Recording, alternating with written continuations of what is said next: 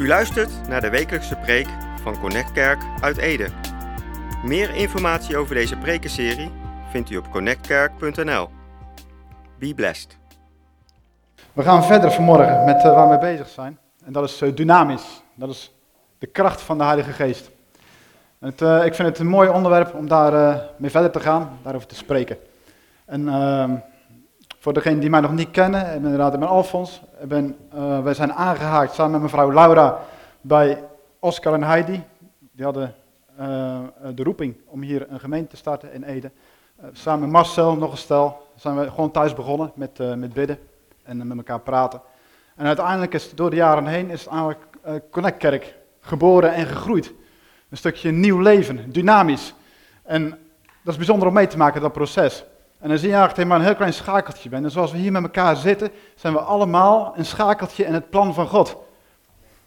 Een schakel in de bouw van zijn gemeente, van zijn koninkrijk hier op aarde. Niemand is meer of minder, we zijn allemaal waardevolle schakels. Allemaal wil God ons betrekken bij dat mooie plan wat hij met ons heeft. En God geeft ook nieuw leven. Dat is eigenlijk zijn hart. Zo heb ik hem ook leren kennen. Ik ken hem nu, tenminste, ik wandel met hem een jaar of 20, 25 nu zo. En gaandeweg leer ik steeds meer van zijn hart kennen. En dat is ook een, een scheppend hart. En we hebben natuurlijk, pas hebben we gedacht, met Pasen, aan de kruisiging van Jezus. En we hebben daarna hebben de opstanding van Jezus gevierd. En met Pinkster hebben we herdacht dat zijn geest is uitgestort. Dus alles draait eigenlijk om Jezus. Jezus is het fundament. Jezus is het levende fundament waarop wij dat mogen voortbouwen. En dat God een God van leven is, een explosie van leven, dynamisch, wil ik eigenlijk laten zien aan de hand van een aantal foto's. Een aantal mensen die mij kennen weten dat ik van de natuur hou en ik zie er heel veel in van Gods expressie. En laten we naar de eerste foto gaan. Afgelopen winter, want niet heel veel sneeuw, maar juist als, als zeg maar die zonnestralen doorbreken, februari, fe- maart, gaat die zon gaan schijnen en dan zie je het eerste groen zie je doorbreken in die sneeuw. En dat is precies wat God wil doen in ons leven. Hij wil leven brengen. Soms begint dat heel klein. Volgende foto. Maar als die zon er meer op gaat schijnen, en die regen valt erop en het wordt wat warmer, dan zie je dat het op begint te bloeien. Al die zaadjes, als je in het bos wandelt, zie je dat opgroeien. Volgende foto. En we zien dingen tot bloei komen. Sneeuwklokjes, daar begint het vaak mee. Enorme velden, sneeuwklokjes. Op landgoederen, waar dan ook, zie je ze ontstaan. De volgende foto. De prunus, de kersenboom. Prachtige boom. Ik hou ervan. Ik ben boomadviseur.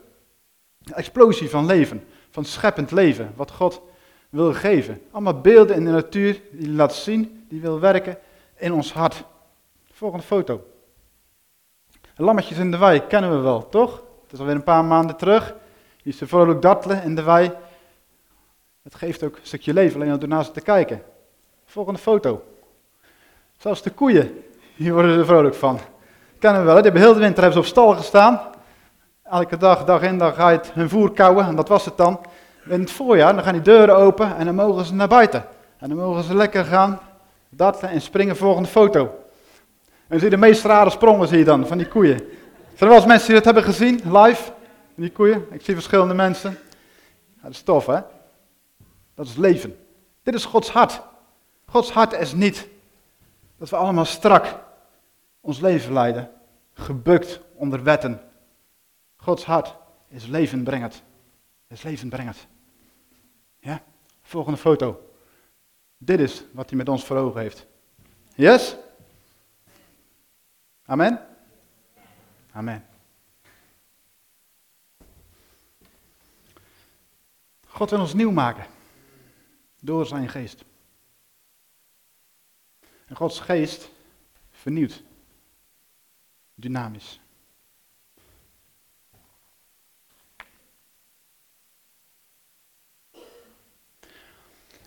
En daar spreekt de Bijbel over op allerlei plekken. Dat is helemaal van doorweven. Voor de christenen die al jaren meegaan, die kennen het stuk wel uit Ezekiel. Wanneer God leven blaast. En die droge dorre botten. Waarin uiteindelijk een gigantisch leger opstaat van mensen, een leger van liefde. Maar we zien ook het Nieuwe Testament, dat Paulus erover schrijft in 2 Korintiërs 5, vers 17 en 18. Er staat, als je christen wordt, als je voor Jezus kiest, Jezus als levend fundament, als je hebt toegelaten in je leven, dan word je van binnen helemaal nieuw. Je bent als het ware opnieuw door God geschapen. Er is een heel nieuw leven begonnen. Al dit nieuwe komt van God, die ons door Jezus Christus bij zichzelf heeft teruggebracht. En nog één, in Titus staat er ook iets over. God heeft ons gered door het bad van de wedergeboorte. Wedergeboorte gebeurt op het moment dat Gods geest in jou komt. Word je opnieuw geboren. Als je Jezus als fundament aanneemt. En de vernieuwing door de Heilige Geest die hij rijkelijk over ons heeft afgestort. Dus hier wordt ook gesproken over de vernieuwing die Gods Geest wil geven.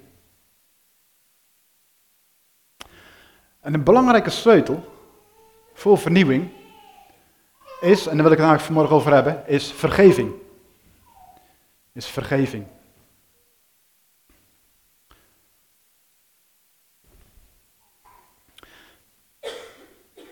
Voor mezelf was dat een eye-opener.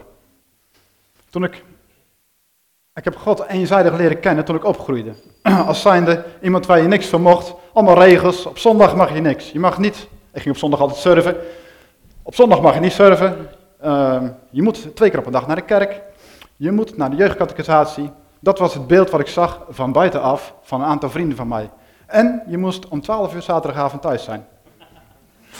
Was je dat niet, dan was het helemaal verkeerd. Dat was mijn beeld van God. Ik dacht van als dat God is, dat uh, is not my thing, zeg maar. Toen ik wat ouder was, begin twintig, liet God me op een andere manier zien. Hij zei, en ik heb het al eens eerder verteld, maar ik ga er nu even wat sneller doorheen. Hij zei, Alfons, stap 1 om mij te leren kennen is vergeving vragen. Is vergeving vragen vergeving vragen aan mij voor de dingen waar je even fout mee zat. En dat heb ik gedaan. Om een lang verhaal kort te maken. Het was juist in een periode waar, ik wat, waar het wat eenzaam was. Ik ging op een zolderkamertje op mijn knieën. Ik zei van, Heer, vergeef mij. Er gebeurde niks. Een tijdje later, ik blad door. Toen had ik het idee dat de hemel openbrak. En dat er, dat er een lichtflits, dat er warmte was, vuur. Een onvoorwaardelijke liefde. Dat is wat ik ervaren heb toen. Toen zag ik Gods hart. Waar Taco net ook iets over vertelde. Ik zag iets van Gods hart. En daarmee werden in één keer al die vooroordelen die ik had, werden opzij geschoven. Toen dacht ik van als dat God is, dan wil ik hem wel beter leren kennen. Dan wil ik hem wel beter leren kennen. Maar dat begon met vergeving. Vergeving vragen aan God. Vervolgens ben ik gedoopt. Tien jaar na mijn bekering. Het had, duurde even. ik ben soms wat eigenwijs. maar toen zei God, nu gaan we een stapje verder. Hij zei, je moet vergeving vragen aan je vader. En nog belangrijker, je moet hem gaan vergeven. Dus had ik zoiets van, no way, dat ga ik echt niet doen. Maar toch bleef dat doorwerken. En dan ging er een paar maanden overheen, een half jaar, misschien wel een paar jaar. Totdat God zei van, uh, je moet echt je vader gaan vergeven als je verder wil komen met mij. En dat heb ik gedaan. Dus ik, in mijn jeugd ben ik opgegroeid. En mijn vader was vrij. En ik spreek met alle respect. Mijn vader heb ik een hele goede relatie nu mee. En ik heb respect voor die man. Maar toen die tijd zag ik een aantal dingen anders. En toen, uh, mijn vader was vrij autoritair en dan moest ik hem veel, ja, hij zei, daar moet je echt, uh, ik had het gevoel dat hij me steeds afkneep en alles, zeg maar. Dat ik niet zoveel mocht en dat er van alles werd gedwarsboomd in mijn leven. Door hem. Ik zag hem echt als de schuldige, zeg maar, van, uh, dat is degene die me afklemt, die me belemmert om dingen te doen.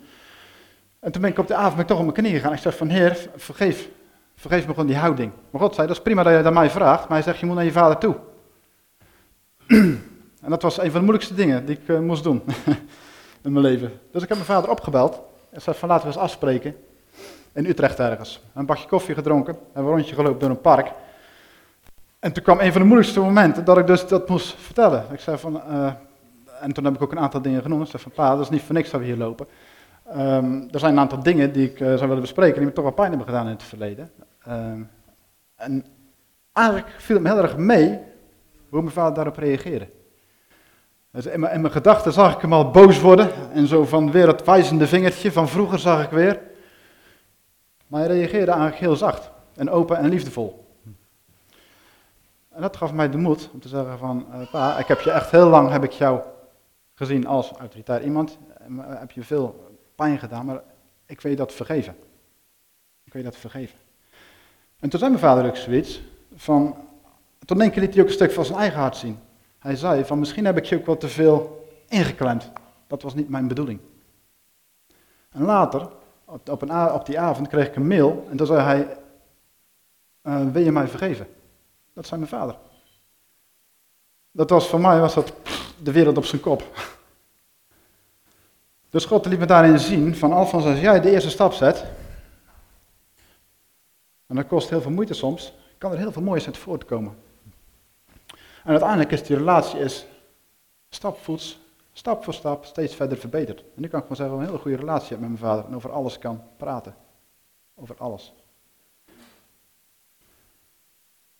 Ik weet dat het voor een heel aantal mensen anders kan liggen. En dat er echt heel heftige dingen gebeurd kunnen zijn met vaders. Of tekenbeeld of wat dan ook. Dus ik wil niet zeggen dat het voor iedereen misschien op deze manier kan zijn. Maar ik wil wel het vertellen als bemoediging. Want misschien zou het een eerste stap kunnen zijn in een bepaalde richting. Maar ik merk dat mijn vader een, hoofdrol speelt. En mijn moeder daar altijd, ja, mijn moeder zag ik altijd als een liefdevol persoon. Die altijd alles zorgzaam. En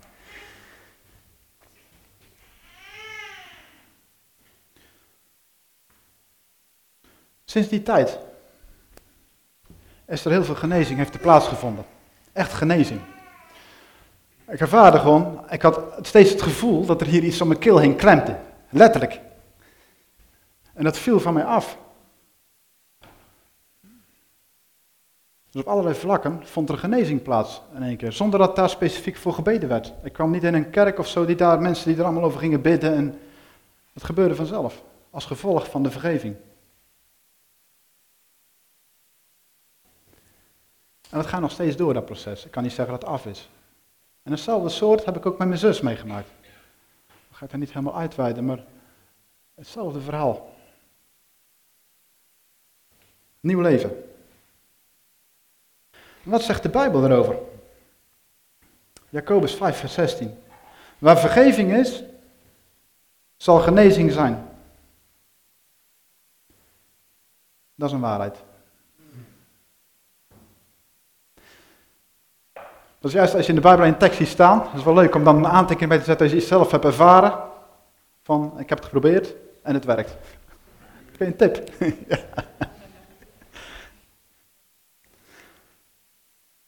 Efeziërs 4 vers 32. Die zegt, vergeef elkaar zoals God u in Christus vergeven heeft.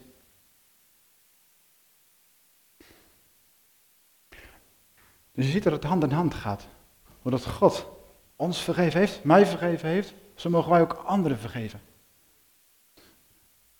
En bij mij persoonlijk werkt het zo, als ik zie hoeveel God mij heeft vergeven, voor mijn gevoel, dat is heel veel voor mijn gevoel toch wel. En dan denk ik van, um, hoe meer God mij dan wat openbaart, hoe meer ik denk van, ho, Alfons, laat ik mijn grote waffels houden en stop met oordelen. Het is juist een drive om te vergeven. Want heel vaak is het zo, wat die ander doet bij mij, heb ik heel vaak ook al bij anderen zelf gedaan.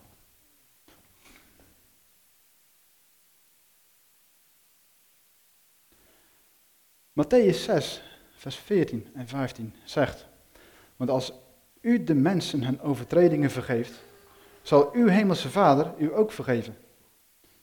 Maar als u de mensen hun overtredingen niet vergeeft, zal uw vader uw overtredingen ook niet vergeven.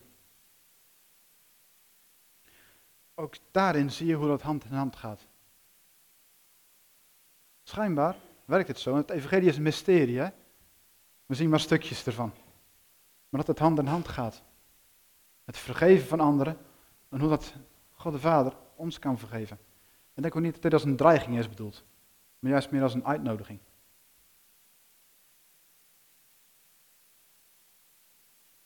En hoe vaak moeten we dan vergeven?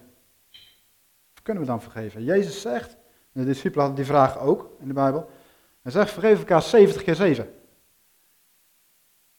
Nou, 7 is het getal van de volheid. Dus eigenlijk staat hier, vergeef gewoon zo vaak als kan. Vergeef zo vaak als kan.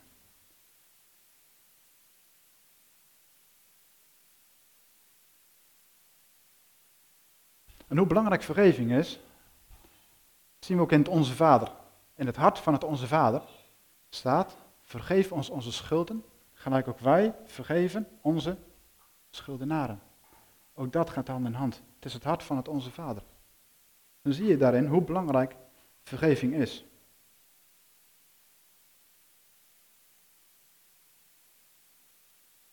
En vergeven is ook een keuze. Hè? Het is een keuze, het is geen gevoel. Het is ook niet zo van, uh, ik moet eerst alles in mijn hoofd kloppend hebben en dan pas kan ik vergeven. Nee, het is gewoon een keuze. Soms is het gewoon een keuze. Ga vergeven. En dan... Snap je? En misschien moet iemand anders even helpen. Ja? Het gaat niet vanzelf. Het niet vanzelf. En de Heilige Geest wil ons daarin helpen. Dat is het mooie.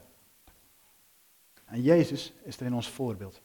Maar als we nog even teruggaan naar het kruis. Toen Jezus aan het kruis hing. Hij was er aangenageld. Notabene de schepper van hemel en aarde. Die ook die bomen heeft geschapen. Hing aan een kruishuid wat hij zelf geschapen heeft. Wordt veroordeeld door mensen die, hem, die, die hij gemaakt heeft. Waar hij een enorm mooi plan mee heeft. En ze bespotten. En wat zegt hij nog aan het kruis? Vader, vergeef het hen. Want ze weten niet wat ze doen. Jezus is ons voorbeeld. Jezus vergaf zelf in zijn diepste pijn. Zelfs in zijn diepste pijn.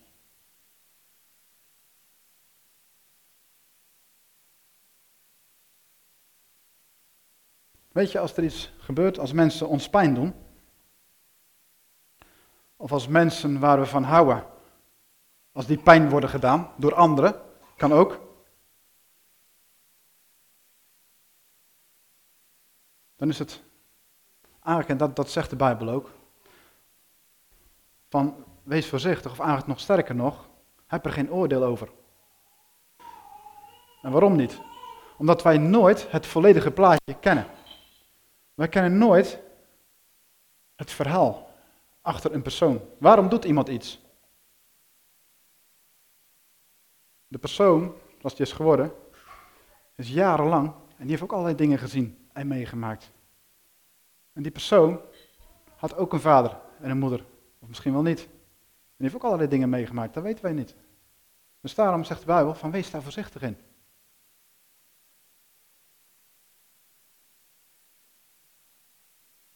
Zegt de Bijbel, laat het aan God. Laat het aan God. Dat is moeilijk. Dat is een uitdaging. Maar het is wel zo, op het moment dat je dat doet, dat je er los van komt. En dat is precies wat het plan van God ook is. Want wat er ook gebeurt. Want God weet heel goed dat wij in een gebroken wereld leven. Weet heel goed. En hij ziet ook onze worstelingen. Dat ziet hij ook. Daarom heeft hij ons wel die sleutel gegeven. Vergeving. Vergeving. En kun je het dan goed wat er gebeurt? Stel iemand heeft je heel veel pijn gedaan. Kun je dat dan goed? Laat je over je heen lopen? Nee, echt niet. Op het moment dat je vergeeft, dan zegt er iets over je hart. Door nog niet eens de situatie soms te veranderen. Of die persoon. Het zegt iets over je hart en je laat iets van God zien ermee. Dus vergeven, het is heel mooi, wat ik net, als, als, bij mijn vader als het dan tweezijdig gebeurt. Maar soms krijg je die respons niet. En dan zal je eenzijdig kunnen vergeven of moeten vergeven. Vergeving kan eenzijdig zijn. Maar de kracht ervan is dat je loskomt. Loskomt van de persoon en van de situatie. Hoeft niet altijd tot herstel van relatie te leiden. Dat is wel het mooiste. Dat hoeft niet altijd. Vrienden, mensen om je heen kunnen je hierbij helpen. Om te vergeven. Ik in mijn leven ben ik aangemoedigd door anderen om te vergeven.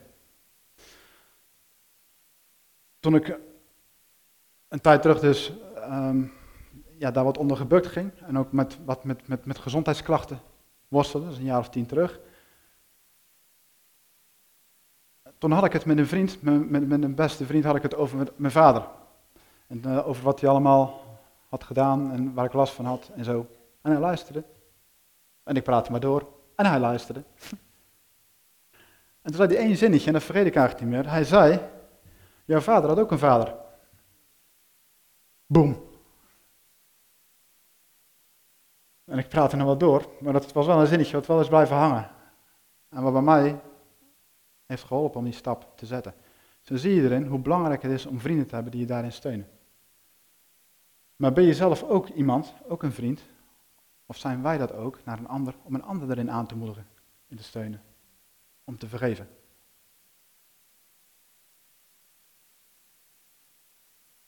Dat is één ding. En dan is er nog een tweede ding. We mogen ook onszelf vergeven. En dan gaan we naar Psalm 103, vers 10 en 11. Daar staat in de Bijbel, hij straft ons niet naar onze zonden. Hij vergeldt ons niet naar onze schuld. Zover als het oosten is van het westen, zover heeft hij onze zonden van ons verwijderd. En hier zie je eigenlijk hoe God er tegenaan kijkt. Dus als wij vergeven zijn, dan zegt God, van die zonden, die zijn, die zijn weg. Een heel eind. Heel eind weg. Hij ziet het helemaal niet meer. Dus net als dat je eigen kind, je eigen kind heeft een snoeppot leeg. Of je portemonnee misschien wel, kan ook. Ik weet niet hoeveel geld erin zit. Maar, maar stel dat, dat, dat hij dat heeft gedaan. En uiteindelijk, je bent heel boos, maar je vergeeft je kind toch. Want het is je kind, je houdt van je kind, toch? Je hebt best met hem voor. Of haar. Dan zeg je, ik vergeef het je. En dan is het toch weg. Toch? Of het algemeen, en misschien vergeef je nog een keer, maar het is weg. Het zou mij heel erg pijn doen als mijn kind dan daar nog gebukt onder gaat.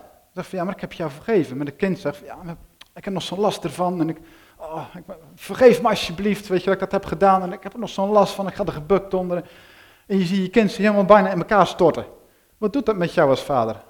En denk van ja, maar kan je toch vergeven? Wat, wat, sta op, weet je. Ik, ik kijk er niet meer naar. Het is je vergeven. Weet je, ik denk dat God ook zo naar ons kijkt.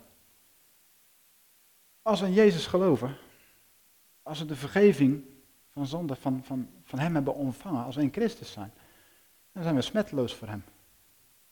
Dan ziet Hij ons nog smetteloos. Dus wij hoeven niet meer onder gebukt te gaan. En we hoeven zeker onszelf niet meer aan te klagen, of onszelf schuldig te voelen, of zelf te veroordelen, of wat dan ook. Dus we mogen onszelf vergeven. En als je dat doet, die twee dingen, als we dat doen, en dan spreek ik ook tot mezelf, dus het vergeving vragen aan God, het vergeving schenken aan anderen, maar ook het vergeven van onszelf, is dan een sleutel voor nieuw leven. Voor nieuw leven. En is dan een sleutel om zeg maar, die kracht van de Heilige Geest, die dynamisch, om dat te laten stromen, om het te laten werken in ons hart. En dan ontstaat er echt, echt nieuw leven. Maar dan ontstaat er ook ruimte, want je komt er los van door te vergeven. Los van de dingen, los van de situatie, los van pijn. Dan komt er ook weer ruimte om nieuwe stappen te nemen. Om vooruit te gaan. In ons persoonlijk leven. En mensen om ons heen zullen dat merken. Yes. Dat het niet makkelijk is, beaamt de Bijbel ook. En dan gaan we naar 2 Corinthians 5, vers 8 tot 10. En dan ga ik afsluiten. We worden van alle kanten belaagd, maar raken niet in het nauw. We worden aan het twijfelen gebracht, maar raken niet vertwijfeld.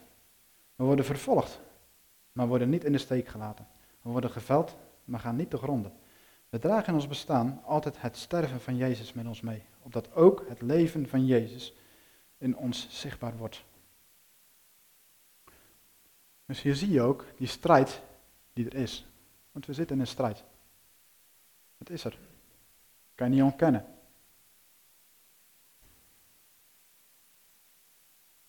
Maar we dragen in ons bestaan altijd het sterven van Jezus met ons mee. Omdat ook het leven van Jezus in ons bestaan zichtbaar wordt. Zelfs dwars door de diepste pijn of strijd. En misschien is het goed. Misschien is het goed om gewoon even te gaan staan.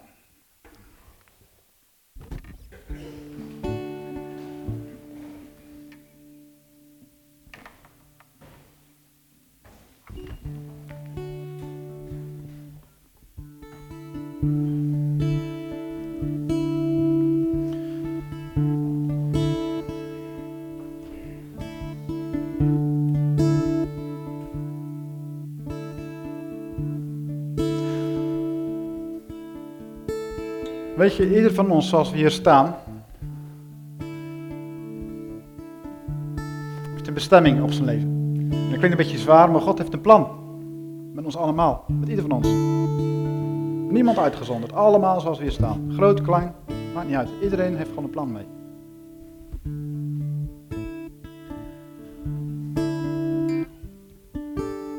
Maar dan kan je ook in worden aangevallen. En dan kan je pijn worden gedaan worden belemmerd voor je gevoel.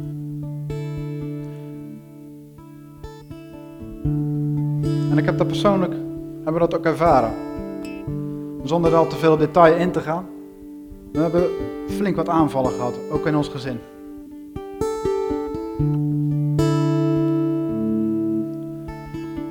Maar ik kan je vertellen dat die tekst klopt. We worden geveld, maar gaan niet te gronden. We dragen in ons bestaan altijd het sterven van Jezus met ons mee, opdat ook het leven van Jezus in ons bestaan zichtbaar wordt. Hij is overwinnaar. Echt waar.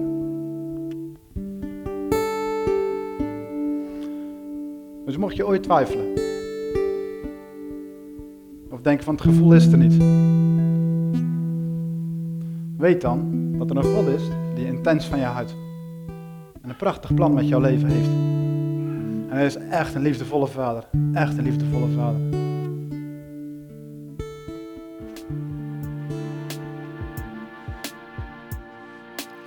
U luisterde naar de wekelijkse preek van Connect Kerk uit Ede. Meer informatie over deze gemeente en alle preken over dit thema vindt u op connectkerk.nl of bezoek onze Facebookpagina. Bedankt voor het luisteren en wees tot zegen.